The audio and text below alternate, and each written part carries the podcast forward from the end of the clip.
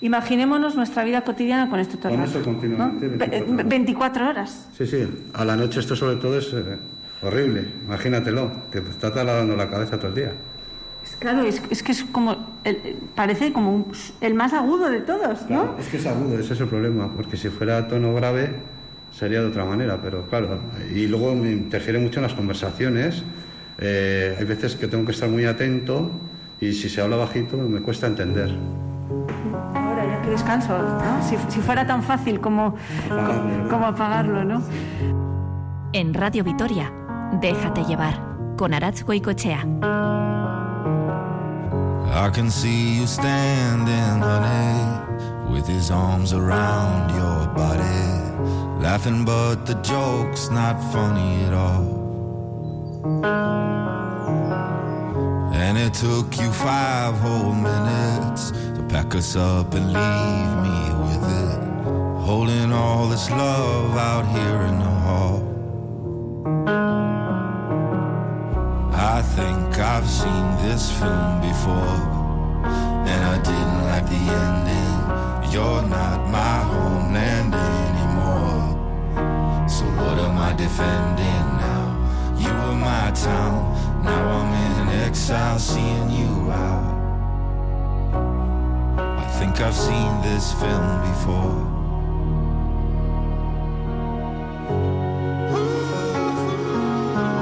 Seres y estares. Un retrato de la sociedad anónima con Merche Guillén. Cuesta imaginar nuestra vida cotidiana con ese sonido que te ataladra ¿no? y que acabamos de escuchar, ¿no? Y resulta insoportable además tenerlo metido hasta el tuétano, imagino por las noches. Merche Guillén, ¿cómo estás? Según Hola, ¿qué tal, Arad? Y este fragmento que hemos escuchado es muchas cosas, ¿no? A la vez, porque es descriptivo, ¿no? De alguna forma eh, resume el tema que vamos a abordar, o una de las aristas del tema que vamos a abordar. Es durísimo, ¿no? Por lo que cuenta este hombre, ¿no? Que vive y convive con ese, con ese ru- ruido perpetuo. Y además es un testimonio que nos va a ayudar a ponernos en la, en la piel del, del otro. ¿A ti qué te ha provocado trabajar en este reportaje que que también nos vas a decir cómo, cómo ha ido surgiendo, ¿no? Porque ha sido como una madeja que hemos ido desentrañando Sí. y que al final se va haciendo cada vez más grande, ¿no? Sí, eh, pues eh, me ha hecho pensar mucho sobre, sobre todo esos, todos esos ruidos que soportamos y de los que no somos conscientes porque los tenemos completamente asumidos. Hablo sobre todo de los en- entornos urbanos, ¿no? que es donde más ruido podemos, eh, podemos tener. Y como tú bien dices, Arat, eh, eh, preparando este reportaje comenzaron a surgir muchas aristas porque hay mucho que hablar en torno al ruido. En torno a la contaminación acústica, muchísimo que hablar, porque claro, vuelvo de nuevo a entornos urbanos o, o entornos como puedan ser eh, aeropuertos, tú lo has dicho, eh, trenes también, eh, entornos laborales, entornos escolares, ¿no? Eh, puede parecer una paradoja afirmar igual que el ruido es una contaminación silenciosa, pero bueno, el ruido cotidiano, el que soportamos en las ciudades de día y de noche, en los centros escolares, en los lugares de trabajo, en los lugares de ocio, y realmente el ruido es perjudicial para nuestra salud. Provoca ansiedad, provoca insomnio, irritabilidad, falta de concentración, sordera. Son tan solo algunas de las consecuencias de una exposición continuada a ruidos de diversa índole. Los niveles de ruido en las ciudades están por encima de lo recomendado por la Organización Mundial de la Salud y de lo que una persona puede soportar en su vida diaria. La principal fuente de ruido en nuestras ciudades son los vehículos.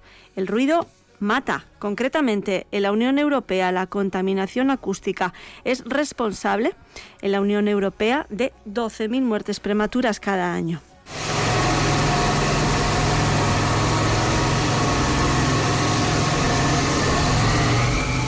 Ruido de obras junto a mi casa, que las he tenido. primera persona, Las ¿no? he tenido y sufrido durante este último año. Bueno, vamos a hablar en los próximos minutos de varias formas en las que el ruido modifica nuestras vidas. El sonido de las obras en la calle puede ser uno de esos ruidos que alteran nuestro día a día o el de un aeropuerto, por ejemplo. Salida del vuelo Air Berlin 3225 con destino Düsseldorf. La ampliación del horario del aeropuerto de Foronda, que desde el pasado 20 de mayo vuelve a tener actividad las 24 horas del día, de lunes a domingo, obliga AENA, la sociedad que gestiona el aeropuerto, aislar acústicamente 78 viviendas del entorno del aeródromo, que tiene nueve concejos a menos de un kilómetro. La actuación se va a hacer principalmente en las localidades de Margarita, Estarrona y Mendiguren, ya que según la resolución del Ministerio para la Transición Ecológica son áreas residenciales que de noche, esto es desde las 11 de la noche hasta las 7 de la mañana, exceden el objetivo de calidad acústica fijado en 50 decibelios dentro de los hogares. La noche del 28 al 29 de agosto del año 2000, en el interior de la casa y con las ventanas cerradas. A las 23.35 salió un avión, 77 decibelios A. A las 23.40 salió el siguiente avión, 64 decibelios B. A las 23.55 salió otro avión, 73 decibelios. A las 5 horas 45 minutos 65 decibelios. A las 6 horas 35 minutos, 65 decibelios. A las 6 horas 50. Todas estas veces yo estaba bueno, intentando dormir por lo menos y cuando oía el avión me levantaba, cogía el sonómetro y lo ponía en marcha y apuntaba esto. ¿Eh? Y claro, con el enfado tampoco te podías dormir. Pues claro, un día, otro día, otro día, otro día, pues, pues agarras o, te agarras un cabreo o ya, pues no sé qué, vas a hacer. Luego el, carácter pues te va cambiando y al final pues tienes luego roces con, con los compañeros de trabajo, con la familia, con, pues con todo el mundo. Bueno, habla José Ángel Fernández de la Rinoa, que es presidente de la Junta Administrativa de Mendiguren, una de las localidades del municipio de Vitoria incluidas en ese plan de insonorización de AENA. Pues, pues te das cuenta, y con el tiempo te vas dando cuenta, pues que que una cosa pues insignificante de, de, 30 vecinos o de esto, pues, pues eh, no, no, se puede, no se puede oponer a, a nada y ni pedir, ni pedir nada. ¿no? Ahora mismo no, nos estamos oponiendo a, la operación del aeropuerto de Foronda, porque eso ya, es impensable. O sea, el aeropuerto ya, es impensable decir que ninguna restricción. Pero bueno, vamos a ver si nos lo aislan y nada más.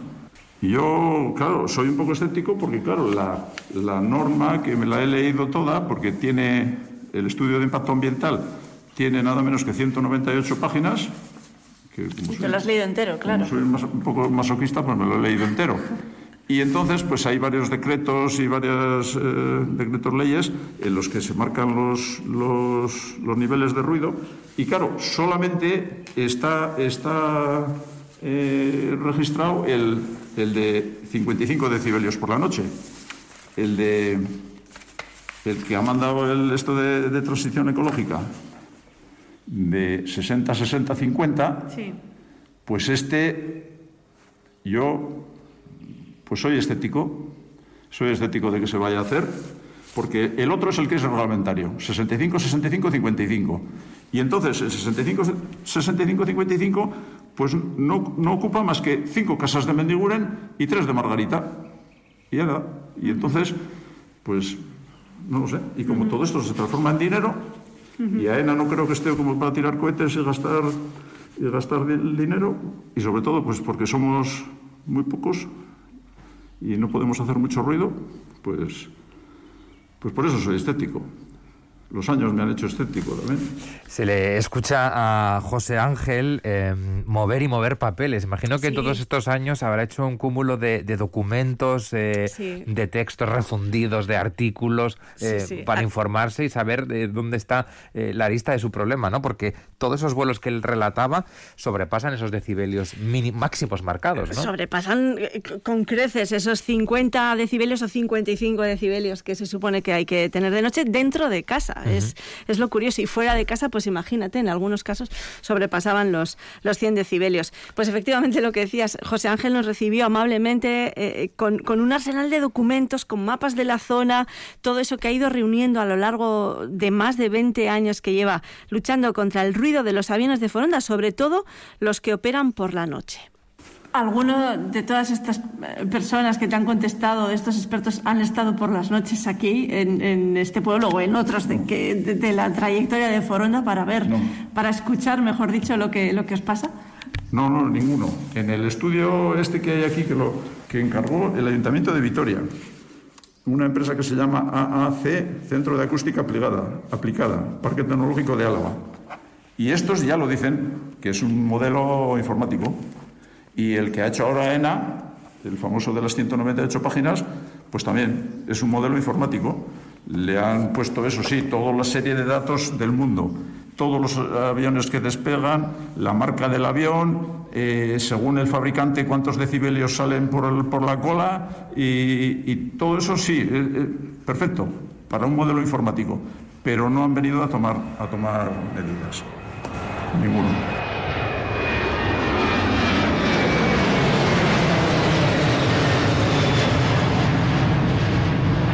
Bueno, pues citaba José Ángel un informe sobre el aeropuerto de Foronda elaborado por el Centro de Acústica Aplicada de Miñano.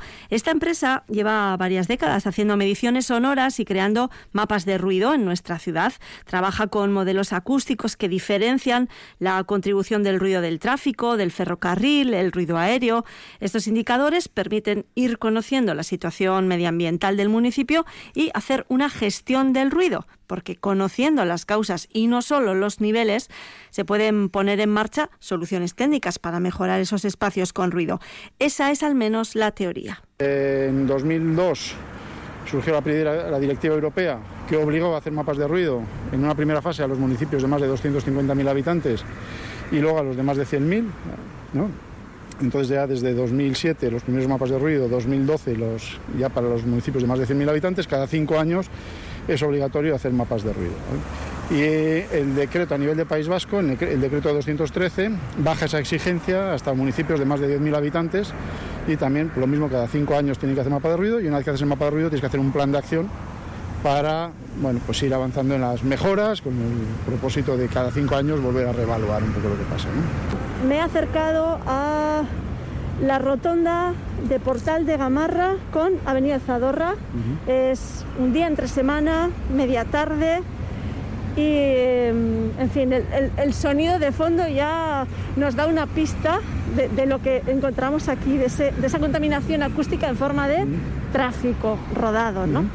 Estoy con Alberto Bañuelos, que es director de Centro de Acústica Aplicada, que está en Miñano. Estamos en uno de los puntos, supongo, deduzco, con más tráfico, igual incluso ya en, esos, en, el comienzo de tu trabajo, hace 35 años, aquí también había mucho tráfico y ahora sigue habiéndolo. Entonces, ¿qué, está pasando? ¿No, ¿No se reduce el sonido en las ciudades, la contaminación acústica en las ciudades? No, sí, sí. Vamos, hay sitios que siempre cuando hay mucho tráfico hay tráfico, ¿no? Y si hay tráfico, tráfico hace ruido, quizá algo menos que hace 30 o 40 años ha bajado el ruido motor, pero el ruido rodadura pues no ha bajado en, realidad, ¿no? Pero sí que es verdad que si miramos 20 o 30 años atrás vemos diferencias. Miramos el centro de Vitoria, por ejemplo, sí que hay diferencia, ¿no? Y de hecho los resultados de los mapas de ruido lo, lo van mostrando, ¿no? En el caso de Vitoria, por poner ejemplo, ya que estamos hablando aquí, eh, la primera evaluación de población expuesta al ruido con las metodologías que entonces teníamos, pues que creo que es de 2003, había cerca de un 40% de población expuesta por encima del objetivo que marcaba la OMS entonces para, la noche, que ahora es el objetivo de calidad a cumplir en zonas residenciales. ¿Que son en decibelios? 55 decibelios de promedio nocturno, ¿vale? que siempre es más desfavorable la noche que el día también de cara a la legislación. En el último mapa de ruido 2017 si no recuerdo mal, estamos en un 6% o algo así, ¿vale? Eso es una suma de un poco de dos cosas. Una de que la ciudad evidentemente ha bajado con los planes de movilidad, ¿no? con más más peatonales, menos tráfico, mayor transporte público, etcétera. Y también porque técnicamente hemos ido afinando un poco más las valoraciones de aquellas que se hacían primero, que como tenías muy poca información, pues digamos, eran más conservadoras para no minimizar y luego pues a medida que vas teniendo más información, pues cada paso, cada mapa de ruido te vas aproximando un poquito más a la realidad, ¿no? Y, y también lo necesitas para poder hacer acciones correctoras. Al principio, con tener una valoración global, una foto, pues podría valer. ¿no? A medida que empiezas a hacer planes de acción, pues cada vez la exigencia de tener información más concreta va aumentando. Y bueno, pues ese es el, un poco el proceso. ¿no? ¿Cuántos decibelios crees que puede haber aquí más o menos en este entorno, o más o menos? Así, con tu experiencia, ¿lo puedes calcular a ojo o a oído? Sí, a ojo, a oído. No sé, pues aquí estaremos cuando están pasando cerca de 70, 65, 70, una cosa así. ¿no? Bueno, pues Alberto, yo con tu permiso mm, me voy a retirar a un ambiente un poquitín más silencioso. Hay mejores que este, hay que aprovechar.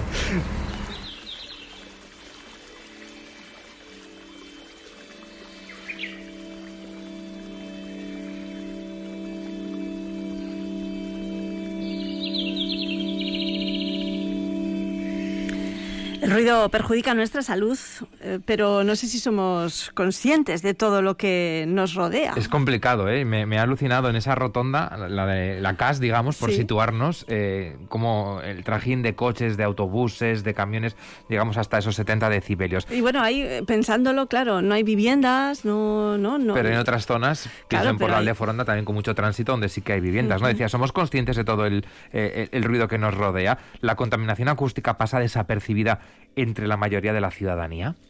Pues mira, eh, nosotros pensábamos que, no, que había habido mm, a lo largo de todos estos años una concienciación, sobre todo a partir del año 2000, en fin, por la evolución jurisprudencial que había, mm, eh, pensábamos que estaba calando una mayor eh, concienciación.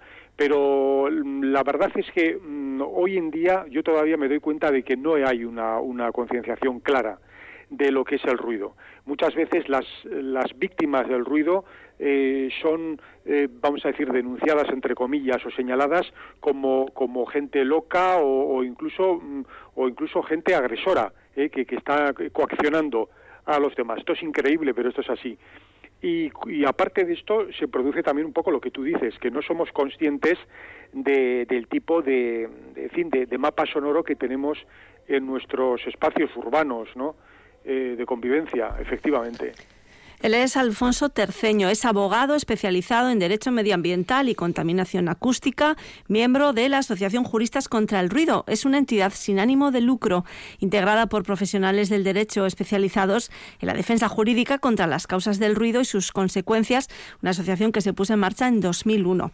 Y fíjate, mm, vamos con, con unos datos muy interesantes. En plena pandemia, la Agencia Europea de Medio Ambiente publicaba un informe que concluye que 113 millones de personas sufren en nuestro continente los efectos de la contaminación acústica. España es uno de los países más ruidosos y supera la media europea, con el casi el 25% de la población expuesta al sonido del tráfico rodado, por ejemplo. Se estima que el exceso de ruido causa 12.000 muertes prematuras y 48.000 casos de cardiopatía isquémica, el estrechamiento de las arterias del corazón, además de alteraciones en los sistemas cardiovascular y metabólico, trastornos graves del sueño, episodios de ansiedad, estrés, deficiencias cognitivas en los niños. No son broma ninguno de estos datos ¿eh? que, estás apuntando. No son broma y nos dan una pista sobre mm, bueno, que efectivamente sobre, sobre el ruido y las consecuencias silenciosas, esa es la paradoja, las consecuencias silenciosas sobre nuestra salud. Y hablábamos de pandemia, pues la pandemia ha modificado las denuncias por molestias causadas por ruidos. Eh, antes de la pandemia, las principales fuentes de denuncia eran establecimientos hosteleros, bares eh, o pequeños comercios eh, que tienen equipos de frío, eh, con cámaras, ¿no? que siempre producen un, los motores están funcionando las 24 horas del día y hay un zumbido que acaba mm, siendo bastante molesto. ¿no?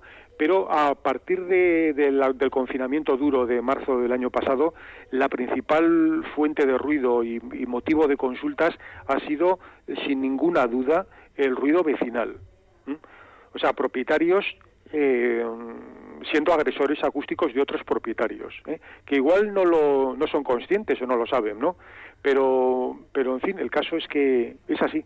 Hombre, mm, eh, mm, vamos a ver, la normativa que hay en estos momentos y los desarrollos de la, por parte de los juzgados de esa normativa es combatirlo. Es decir, una persona que en su domicilio esté sujeta o, o en su centro de trabajo, ¿eh?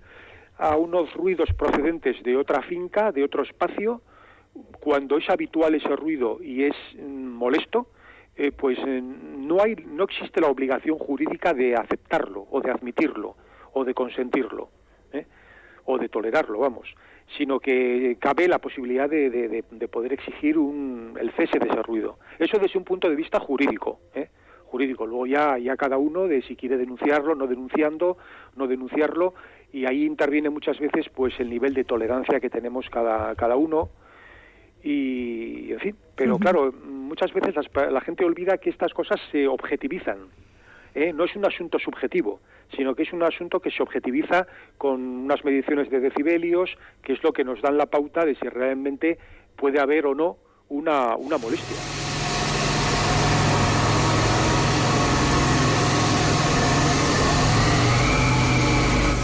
Estamos escuchando eh, esa contaminación acústica que vemos, por ejemplo, en el aeropuerto de Foronda con el sonido de los aviones, en una rotonda, pero ¿esa contaminación acústica se puede medir en otros ámbitos?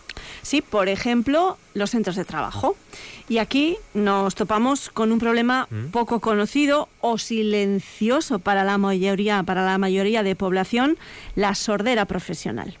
Primero tiene que desarrollar lo que es la enfermedad, ¿vale? O bueno, o la enfermedad se desarrolla a través de a partir de unos niveles. Los niveles son dos, eh, uno va ligado más a la cantidad de horas o al, todo lo que es la jornada laboral, las ocho horas, y otro va eh, a nivel de eh, un pico. Los picos es en un momento dado, si el, el nivel de ruido supera los 137 decibelios, puede ya producir una sordera con, con nada, con dos segundos.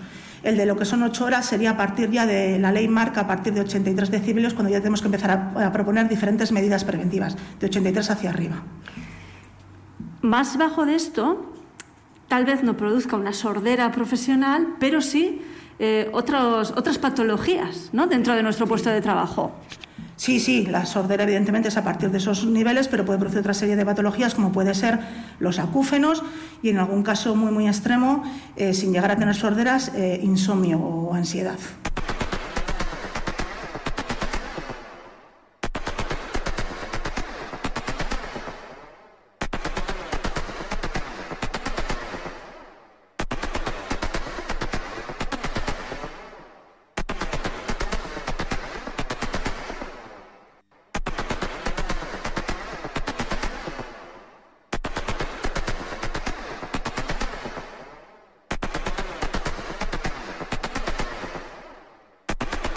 Bueno, pues ella es Elena, la responsable de seguridad laboral de comisiones obreras en Álava. Nos cuenta que la exposición al ruido en los lugares de trabajo proviene no solamente de las tareas de cada trabajador individuo, que, cada trabajador individual está realizando en cada momento, sino también pues de niveles ambientales altos originados bien en la actividad laboral o en el lugar de trabajo o, o bien, bueno, pues en, en su entorno. ¿Y las empresas también eh, están haciendo por, por medir esos ruidos que se, que se generan en estos entornos laborales? Sí, ella nos contaba, por ejemplo, eh, sectores eh, que, que, tal vez, eh, bueno, pues relacionemos automáticamente con el ruido, como pueden ser pues acerías o los trabajos de, de obras en, en, la calle, pero hay otros trabajos, hay otros sectores en los que aparentemente mm. no hay ningún problema o no puede surgir o, o, o es difícil que surja una sordera profesional y se dan, como por ejemplo el caso de una profesora de gimnasia eh, que desarrolló una sordera profesional tras muchos años dando clases en un polideportivo. Eh, son espacios nada preparados acústicamente, con donde elevas la voz, donde hay mucho eco, rebote de sonido, ¿no? Unas reverberaciones muy fuertes y esta mujer desarrolló una sordera profesional. También se da sordera profesional en, en el transporte por ejemplo, en el, en el, oído izquierdo de los conductores, de los choferes y las choferes, que, bueno, pues con la ventanilla abierta cada día van, van desarrollando una sordera de la que no son conscientes hasta uh -huh. que pasa un tiempo. También las personas que trabajan en el telemarketing, que tienen el auricular en el lado izquierdo, el lado derecho liberado y el micrófono, ¿no? Pues también pueden desarrollarlo. Bueno, eh, lo que decías, cada vez más empresas realizan mediciones de ruido. Esto es así.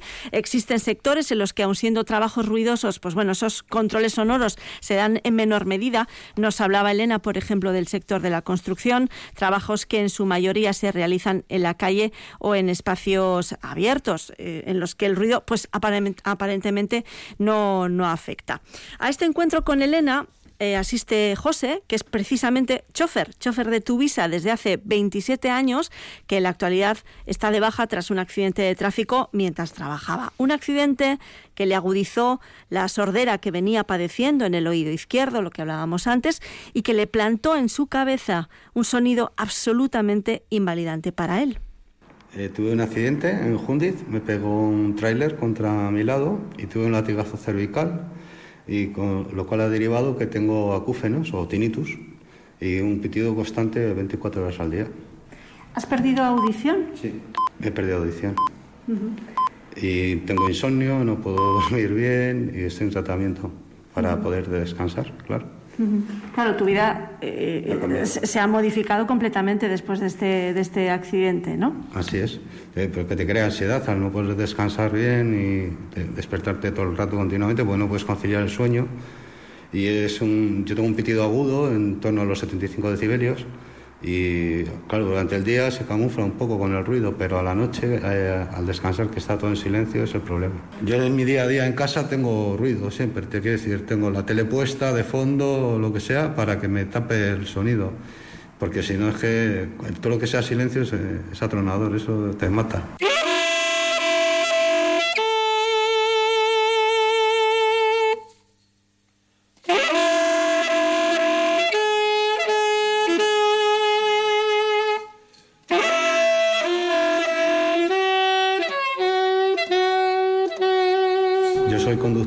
Llevo 27 años, eh, tengo pérdida de audición en el oído izquierdo. Eh, ya de por sí, imagínate cuando me voy a echar la siesta, me puedo echar la siesta, me puedo poner la tele de fondo. Si me pongo del lado derecho, tengo que subir el volumen, si lo tengo a 8, al 12 o al 13. Si estoy del lado izquierdo eh, tumbado, pues con este digo mejor, evidentemente, y estoy en el 9 el 10. Eso ya, para empezar, ya es una patología que cogemos todos los conductores y la tenemos todos. Tenemos, tenemos pérdida de audición del oído izquierdo. ¿Hay más compañeros tuyos con, un caso parecido de pérdida de audición en el oído izquierdo? Sí, muchísimos. La inmensa mayoría tienen. Todos los que llevan muchos años tienen. Y más que yo incluso. Algunos tienen en torno a los 100, así, ¿no? Andarán, más o menos. Llegas a estar en proceso de depresión porque es una situación que no puedes controlar y se te va de las manos. Te el insomnio es evidente, malestar, irritabilidad, eh, bueno, todo, todo lo que te puedes imaginar, ¿no?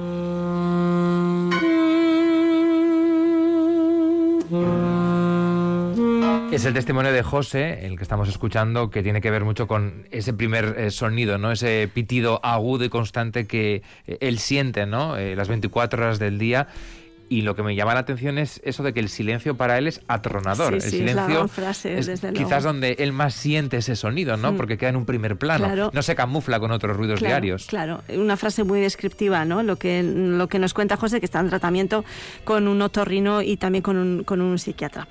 Hablamos de ese ruido interno que, en fin, que se da, ¿no? Que pasa cuando el sonido molesto está dentro de nosotros todo el rato, ¿no? Los acúfenos o tinnitus impiden en muchas ocasiones que las personas que los sufren puedan tener una vida normal y sobre todo un descanso normal. En la actualidad existen varios tratamientos médicos para paliar esta dolencia.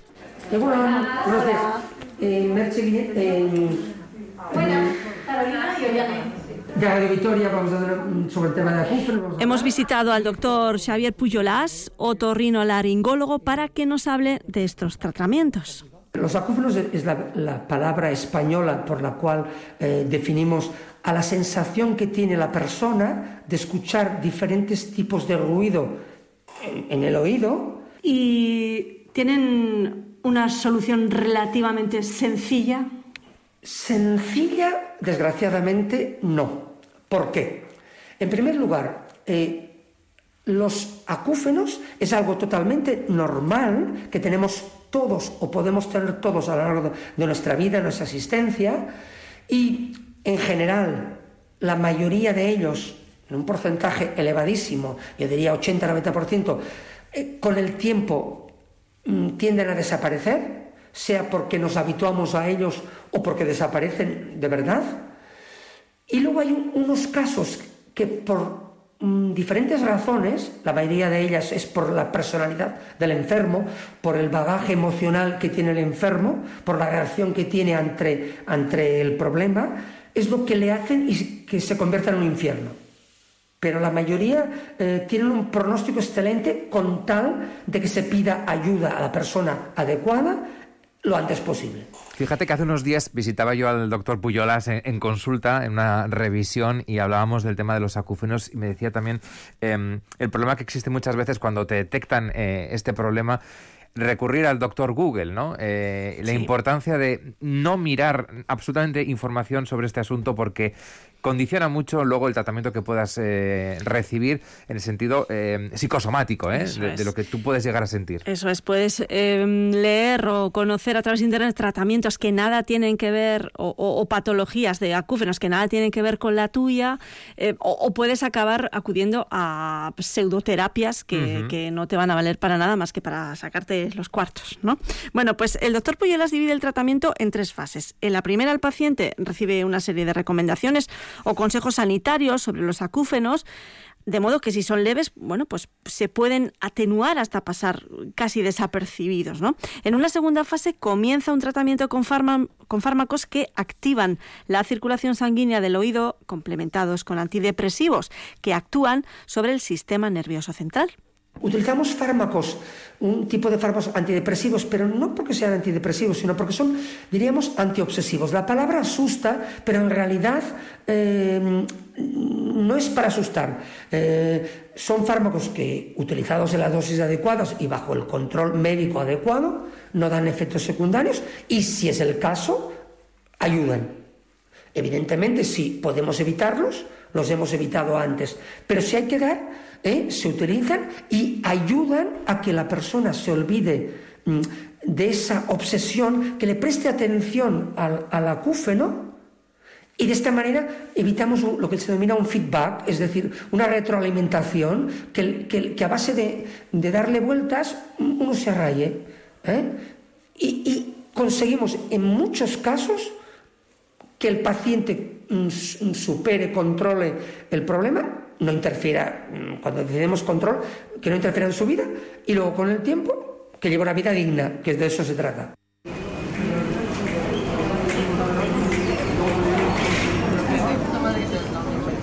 A ti, por ejemplo, Iker, este entorno sonoro en el que estamos ahora, estamos en, bueno, en el centro de la ciudad. ¿Este entorno para ti, este entorno sonoro, te resulta agradable?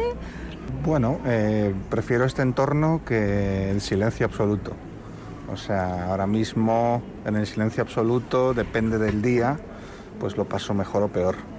Tú has estado en tratamiento médico con el doctor Puyolás eh, y estás en, esa segunda fase que él nos explicaba. Primero eh, ha habido una especie de, coaching ¿no? o, consejos sanitarios sobre, sobre los tinnitus, sobre los acúfenos, y ahora estás en un tratamiento farmacológico, ¿no? Cuéntanos. Sí, bueno, eh, al principio, aunque él ya me dijo que bueno, pues que mantuviera siempre pues algo puesto, yo qué sé, pues me ponía vídeos de YouTube o de Twitch o de lo que sea y por lo menos mientras estás escuchando algo no le estás prestando atención a eso, es más un tema psicológico de no prestar atención a eso. Eh, pero claro, eh, al final si tienes eso, hay días en los que tienes una crisis y pues había días en los que directamente no te podía, no me podía concentrar, eh, me ponía muy irascible, yo no soy una persona irascible, ni agresiva, ni nada de eso, entonces, bueno, pues es preocupante, entonces sí, efectivamente estoy con un tratamiento farmacológico que es eh, Besitran, que es un medicamento, un, eh, lo diré, un antidepresivo, que ya sé que está muy mal conceptuado en la sociedad actual, pero bueno, es que es un antidepresivo muy, muy suave que lo que hace es básicamente que me afecte menos esto que, a ti realmente lo que te interesa, ¿no? Que, que, el acúfeno vaya desapareciendo o pase a un segundo plano. Desaparecer no va a desaparecer. Esto no cura el acúfeno ni la tinnitus, no lo cura. Esto lo que hace es que me dé igual. O sea, sé, que me importe nada que esté ahí, que ya es mucho. Sí, desde luego. Eso es. ¿Y, ¿Y, te está funcionando el tratamiento? Sí, me va muy bien. A ver, me va muy bien. Dentro de la abro comillas, gravedad que tiene, pues me va bien, insisto. Ya ves que estamos teniendo una conversación, te escucho todo perfecto y no, no tengo ningún problema. Pero bueno, mm, poco a poco.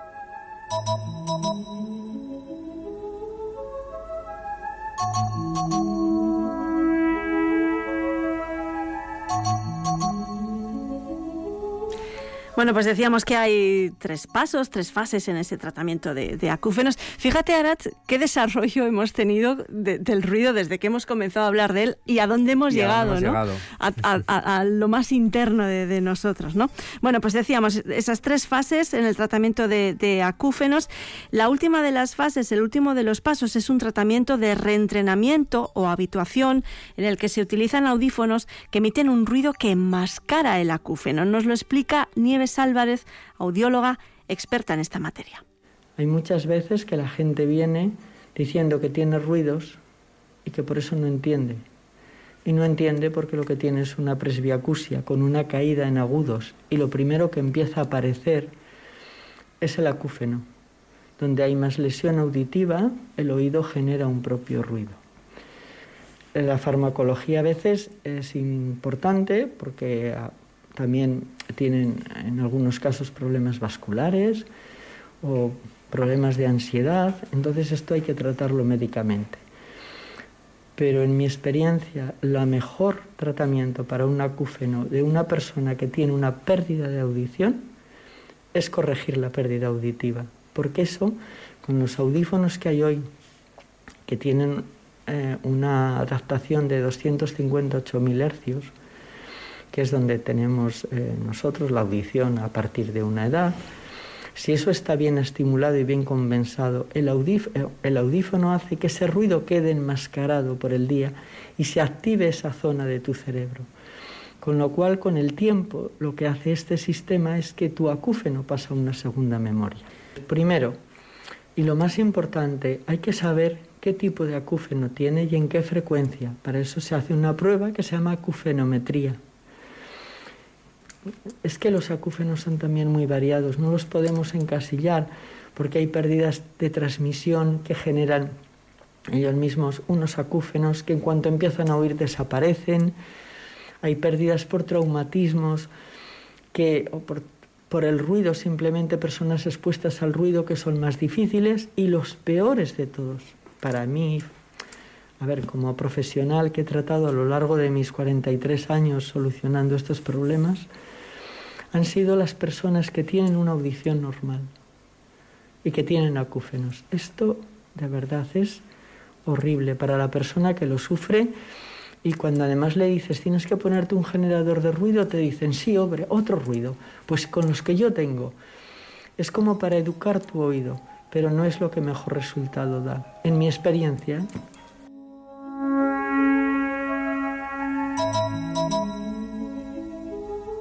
Muy interesante esto que nos contaba Nieves Álvarez, eh, esas, esas diferentes frecuencias de los acúfenos, muy interesante para poder diagnosticar el, mejor tratamiento, ¿no?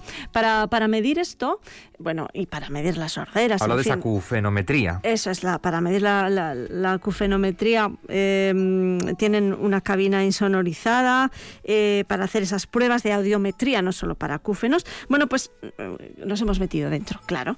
en un primer momento vamos a escuchar escuchar el ruido blanco, que es el que se utiliza en los audífonos para enmascarar los acúfenos. Eh, el ruido que recoge todas las frecuencias se llama ruido blanco, lo escucharemos enseguida. Y después todas las frecuencias que se utilizan en la acufenometría. Eh, Nieves nos lo explica. Explícame qué es esto. Esto es una cabina insonorizada. Entonces te voy a poner un ruido blanco, que es un ruido de amplio espectro, que se parece un poco al viento. Lo vas a oír te lo voy a poner a una intensidad muy alta para que sea audible porque si no, no lo vas a poder captar con el micrófono. Y esto es el ruido que se utiliza para enmascarar, ¿vale? También lo utilizamos en audiología cuando hay mucha diferencia de audición de un oído a otro para que la audiometría sea correcta y que no nos esté dando la información el oído contralateral. Te voy a mostrar ese ruido y te voy a mostrar el de banda estrecha que es con el que hacemos la acufenometría en los distintos sonidos, en las distintas frecuencias, ¿vale? Empezamos por el ruido blanco. Venga. Siéntate ahí para que lo pruebas, puedas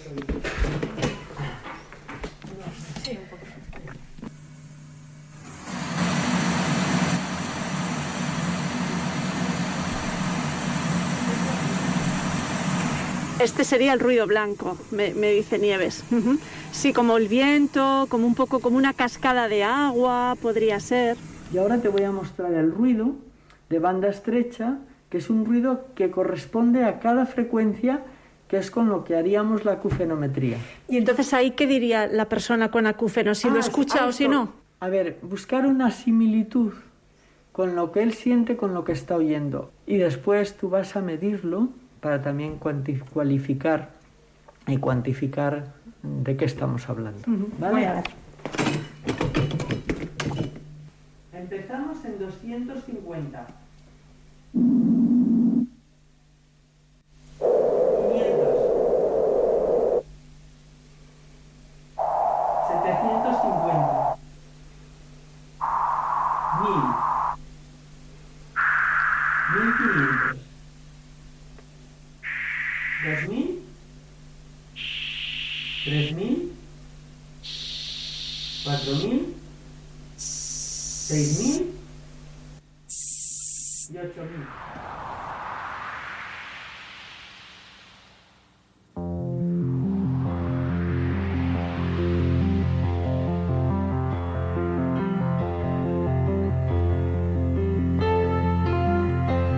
Hemos hecho un recorrido por el ruido y fíjate em, qué eh, contraposición hay entre los primeros y los últimos testimonios. Probablemente el vecino de, de Foronda lo que necesita es el silencio absoluto para poder conciliar el ruido, o sea, el, el sueño y que ese ruido desaparezca. Y en cambio, eh, José o Iker lo que necesitan no es el silencio, porque eso lo que hace es que ese ruido interno, bueno, pues no les permita presente. dormir, ¿no? Es como Sí. dos testimonios contrapuestos de esa contaminación silenciosa que es el ruido.